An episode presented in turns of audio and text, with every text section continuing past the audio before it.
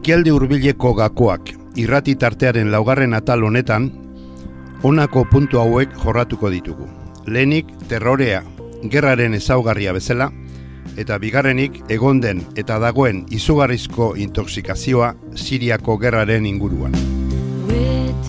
Aurreko saioetan esan izan dugun bezala, Siriako gerra kanpotik antolatua izan da. Ez da gerra zibil bat. Eundaka milaka mercenarioekin eta ia eun estatuetako mezkitatan bilduak. Eta mercenario hauek Al-Qaeda, ISIS eta hainbat talde terroristaz osatua daude. Mila talde baino gehiagoz. Eta armaz, entrenamenduaz, soldataz eta inteligentzia laguntzaz ornituak daude, potentzia imperialista eta beren aliatuen aldetik. Ipar Amerika, Frantzia, Inglaterra, Turkia, Israel, Arabia Saudita, Qatar eta bar.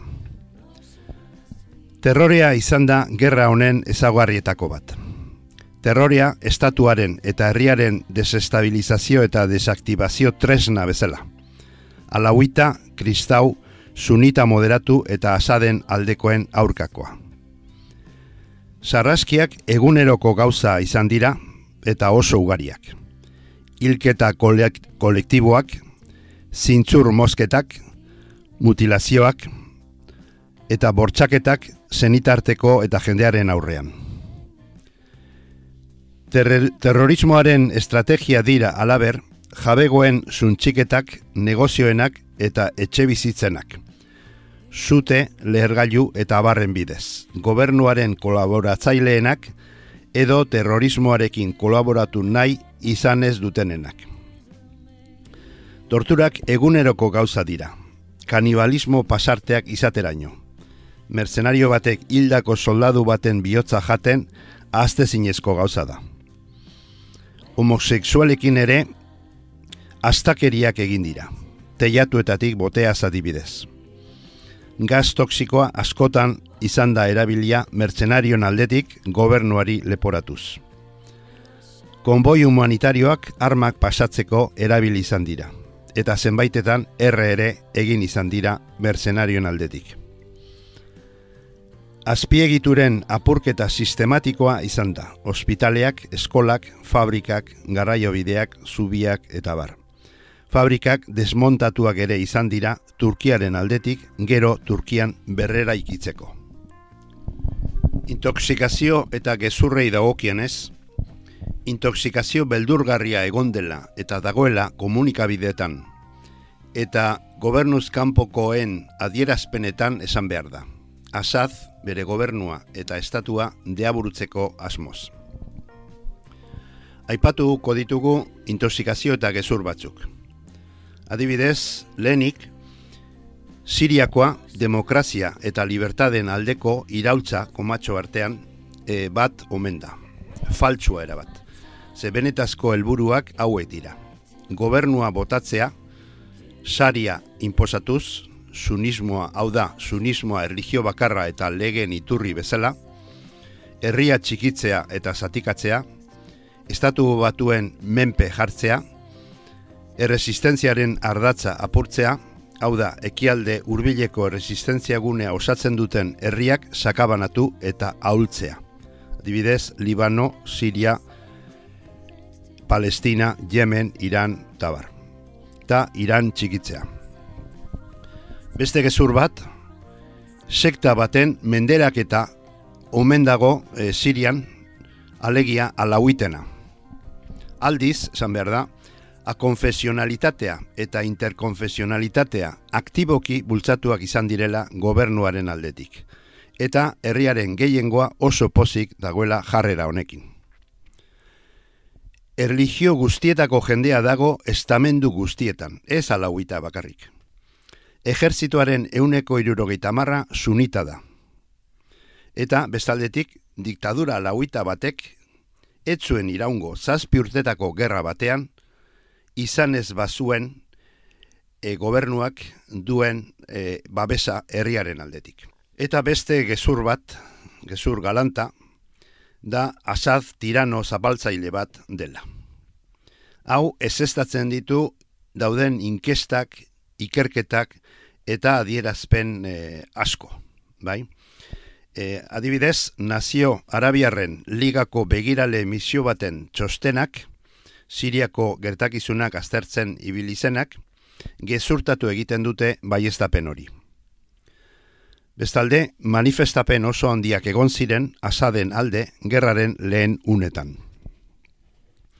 Ta gero daude lekukotasunak, adibidez, Rania Abuzeiden lekukotasuna, Time Iparamerikar aldizkariaren bozen maile, berri emaile e, batena, hain zuzen ere, eta Time ez da siriar aldekoa ez da gutxiagorik ere. Eta berri emaile honek, esaten du protesten antolatzailen porrotaz hitz egiten du, e, zeren siriarren gehiengoa etzegoen gobernuaren aurka sostengu haundia duela gobernuak, esaten du, batez ere hogeita mar urtetatik beragokoen artean, eta hauetatik bieren gobernuaren atzerri politikarekin oso ados zeudelarik. Hau da, Israelen kontrako jarrerarekin, Palestina rei emandako laguntzarekin, eta alaber ezbola eta jamaz taldei emandakoarekin. Politika honek, hain zuzen ere, Siriar herritarren sentimenduarekin bat egiten zuen. Berme handia du gobernuak sektarioak ez diren erligio guztietako jendearen aldetik mila aldiz ikusi den bezala. 2000 eta amabiko urtarrilaren biko Katarreko aldizkari batek doako eztabaidak izenekoa, egindako inkesta baten arabera, Siriaren euneko berrogeita amabosta asaden dimisioaren aurka dagoela esaten zuen. 2012ko azaroko Siriako giza eskubiden sarearen txostenaren arabera, eta hauek ere gobernuaren kontrakoak e, dira, gutxienez populazioaren euneko irurogeita bosta ados dagoela gobernu basistarekin. Beranduagoko urtetan, ziak berak egindako inkesten arabera, asadek sostengu oso handia zuela populazioaren aldetik esaten zuen. Eta gero, konstituzio erreforma baiestatzeko 2000 eta amabiko martxoaren hogeita zeian egindako erreferendunean, jendearen parte hartzea handia izan zen euneko berrogeita emeretzikoa, naiz eta gerra egoeran egon. Eta horietatik euneko larogeita bederatziak eman zioten sostengua asadi.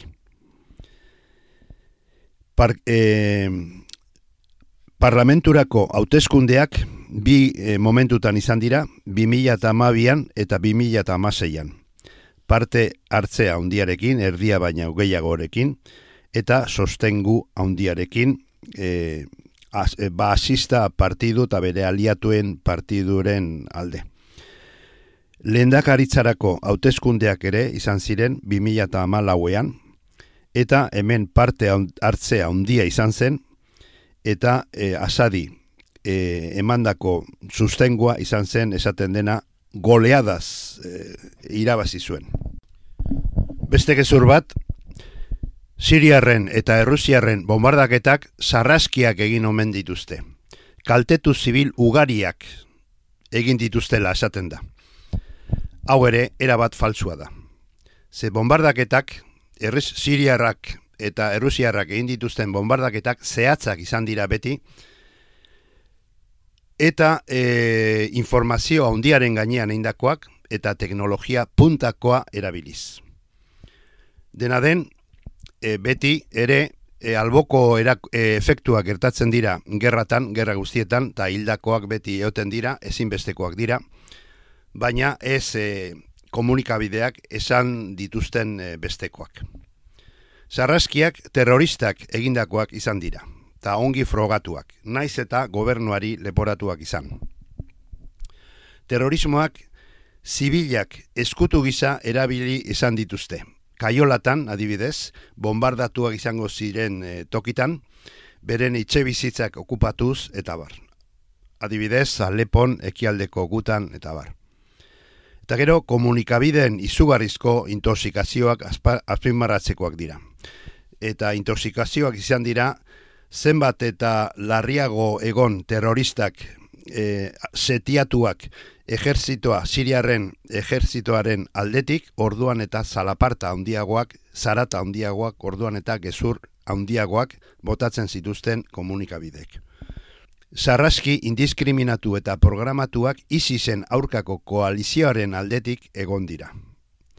Adibidez, Mosulen eta Rakan, adibidez. Raka erabat txikitua e, utzi zuten eta Mosul ere nahiko ba, txikitua. Ta gero, beste gezur bat, e, ISISen zorrera berezko gauza izan omen da. Eta zerbaitegatik izatekotan, asaden errepresioaren ondoriozkoa. Asaden, asadek terrorismoa bultzatu omen du. Hau ere, erabat falsua, ze argi dago, ISIS zein alkaeda eta terrorista talde guztiak imperialismoak eta bere aliatuek sortu dituztela. Ta gero dago, errebelde moderatu eta erradikalen arteko bereizketaren e, leloa, kontua, bai? Hau ere, erabat faltsua. Bereizketa hau, mendebalde eta komunikabideen asmakizuna da, erabat faltsua. Ez dago errebelde moderaturik. Denak dira erradikalak, denak dira basatiak, denak dira zintzur ebakitzaileak. Egin izan nahi dutena izan da, batzuei leporatu erru guztiak izi sekoi, besteak babesteko, hau da alkaedakoak eta beren aliatuak. Salbu gordetzeko bombardaketatik eta asaden kontrako gerra jarraitzeko. Eta gero daude e, gobernuz kanpoko erakunde intosikatzaileak. Pilo bat. Estatu batua, batuaren estatuko departamenduak finanzatua dira gehienak daude Sorosenak, Mackensen autorearenak, Amnistia Internacional, Freedom House, Human Rights Watch, NEZ eta beste asko. Agian aipagarrienak bidira. Bata, Observatorio Sirio de los Derechos Humanos delakoa, giza eskubideen beatoki siriarra, eta kasko zuriak. Giza eskubideen behatoki siriarra da azken finean bulego bat, non dagoen persona bat, anaia musulmana, exiliatua, e, Londresen bizidana, eta e, Inglaterrako gobernuak finantzatua dagoena. Honek egiten duena da terroristen informazioa jaso, Siriako bastar guztietatik, eta e, informazio hori manipulatu egiten du, eta azken finean gertatzen dena da mendebaldeko komunikabideen informazio iturri nagusia dela komunikabide ia guztiak horren eskutik hartzen dutela informazioa, informazio manipulatua gehien bat. Ez? Eune, eun informaziotatik larogeitik gora e, falsua dira. Bai? Eta e, gero daude ba, kasko zuriak. Kasko zuriak dira MI6ko ofizial batek sortua, mendebaldeko potentziek finanziatua, eta itxuraz zaurituak laguntzeko. Egiatan e, antzerkiak egiten dituzte e, eta intoxikazioa egiten dute. Bai? Antzerki nolabait atentatu faltsuak antzestu egiten dituzte. Errua gobernuari botatzeko. Arma kimikoak erabiliak izan direlakoan, edo sarraskia gertatu izan direlakoan, edo bestelako atentatuak izan direlakoan egonez diren testigantzak, o, triskantzak, barkatu, gertatu izan balira e, adierazteko, bai? Eta e, hori, ba, kaso askotan e, gertatu da, bai? Adibidez, arma kimikoekin, e, gutako ekialdean, adibidez, duman, ez? E, esan zuten, e, audio bat eta bideo bat egin zuten, e, esan ez, nola e, arma kimikoak erabiliak izan zirela, e, arma kimikoen upel bat botea izan zela helikoptero batetatik eta jende asko intoxikatua gertatu zela. Orduan, jende bat batekin antzez, antzezpen bat egin zuten egun izango balira intoxikatuak e, eta bar, bai? Eta gero horren ondoren, gezur handi horren ondoren, ba, etorri zen e, bombardaketak Amerikarren, e, Inglaterra eta Frantziaren aldetik, eunda piko misilak boteaz eta bar baina gero demostratu zen e, kasu honetan ere ba gezurra zela. E, ze errusiarrek ja e, lortu zuten mm, aurkitzea hor parte hartu zuten figurante hainbat e, umeak eta helduak eta adierazi zuten dana gezurra izan zela muntaia bat izan zela eta han etze, etzela gertatu edo etzela izan arma kimikoen erabilpenik, bai? Eta gauza bera, pues, e, bai estatu zuten, gero, e, arma kimikoen debekurako e, erakundearen e, ordezkariak etorri zirenak e, aztertzea, aber, egon zen e, atentatu kimiko hori, eta ikusi zuten horretzegela gertatu inolako atentatu kimikorik. Beraz, dana gezurra izan zela, bai? Eta horrela ba, jokatzen dute beti, bai? Eta hauek dira ba, terroristak egunez eta erizainak gauez. Osea, dena den bideo asko daude, da froga asko daude, non ikusten diren, ba, alde batetik momentu batzutan ba, terrorista gisa bere lanean, bere benetazko lanean, da gero erizain gisa bere uniforme berezi batekin, e, ba, zauritua laguntzen egon gobalira bezala, eta askotan, ba, esan bezala, antzerki hutsa, ez? Ez daude, ez da, ez da zaurituta, ez ezer, bakarrik da itxurak egitea, bai? Eta, e, hildo honetatik, ba, umeak erabiliak izan dira askotan ba, gezurrak montatzeko, bai?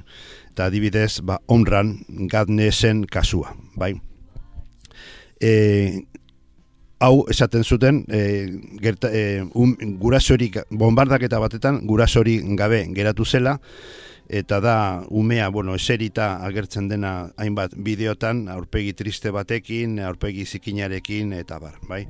Eta bueno, esaten dute hori gurasori gabe geratu zela, entrevistatzailea agertzen da negarrez bezala, negarrez egongo balitze bezala, eta e, ikusten da dena den gainera ez diotela laguntza medikurik ematen, bakarrik e, elkarrizketatu egiten dute, eta abar, ez? Ta handik e, demora gutxira, han ondik e, agertzen den gurasoak bizirik daudela, hori dana gezurra izan dela, gurasoek e, salatu egiten dute gezurra, kejatu egiten dira nola erabili izan duten bere semea manipulazio hori egiteko, eta e, bueno, eta gainera e, agertzen da jakiten dugu argazkilaria, argazki hori ume horren argazki atera zuen elementua dela terrorista bat alzinkikoa amabi urteko pa palestinar gazte bati hain zuzen ere lepoa moztu ziona, bai? Eta, bueno, horrela funtzionatzen dute gauzak.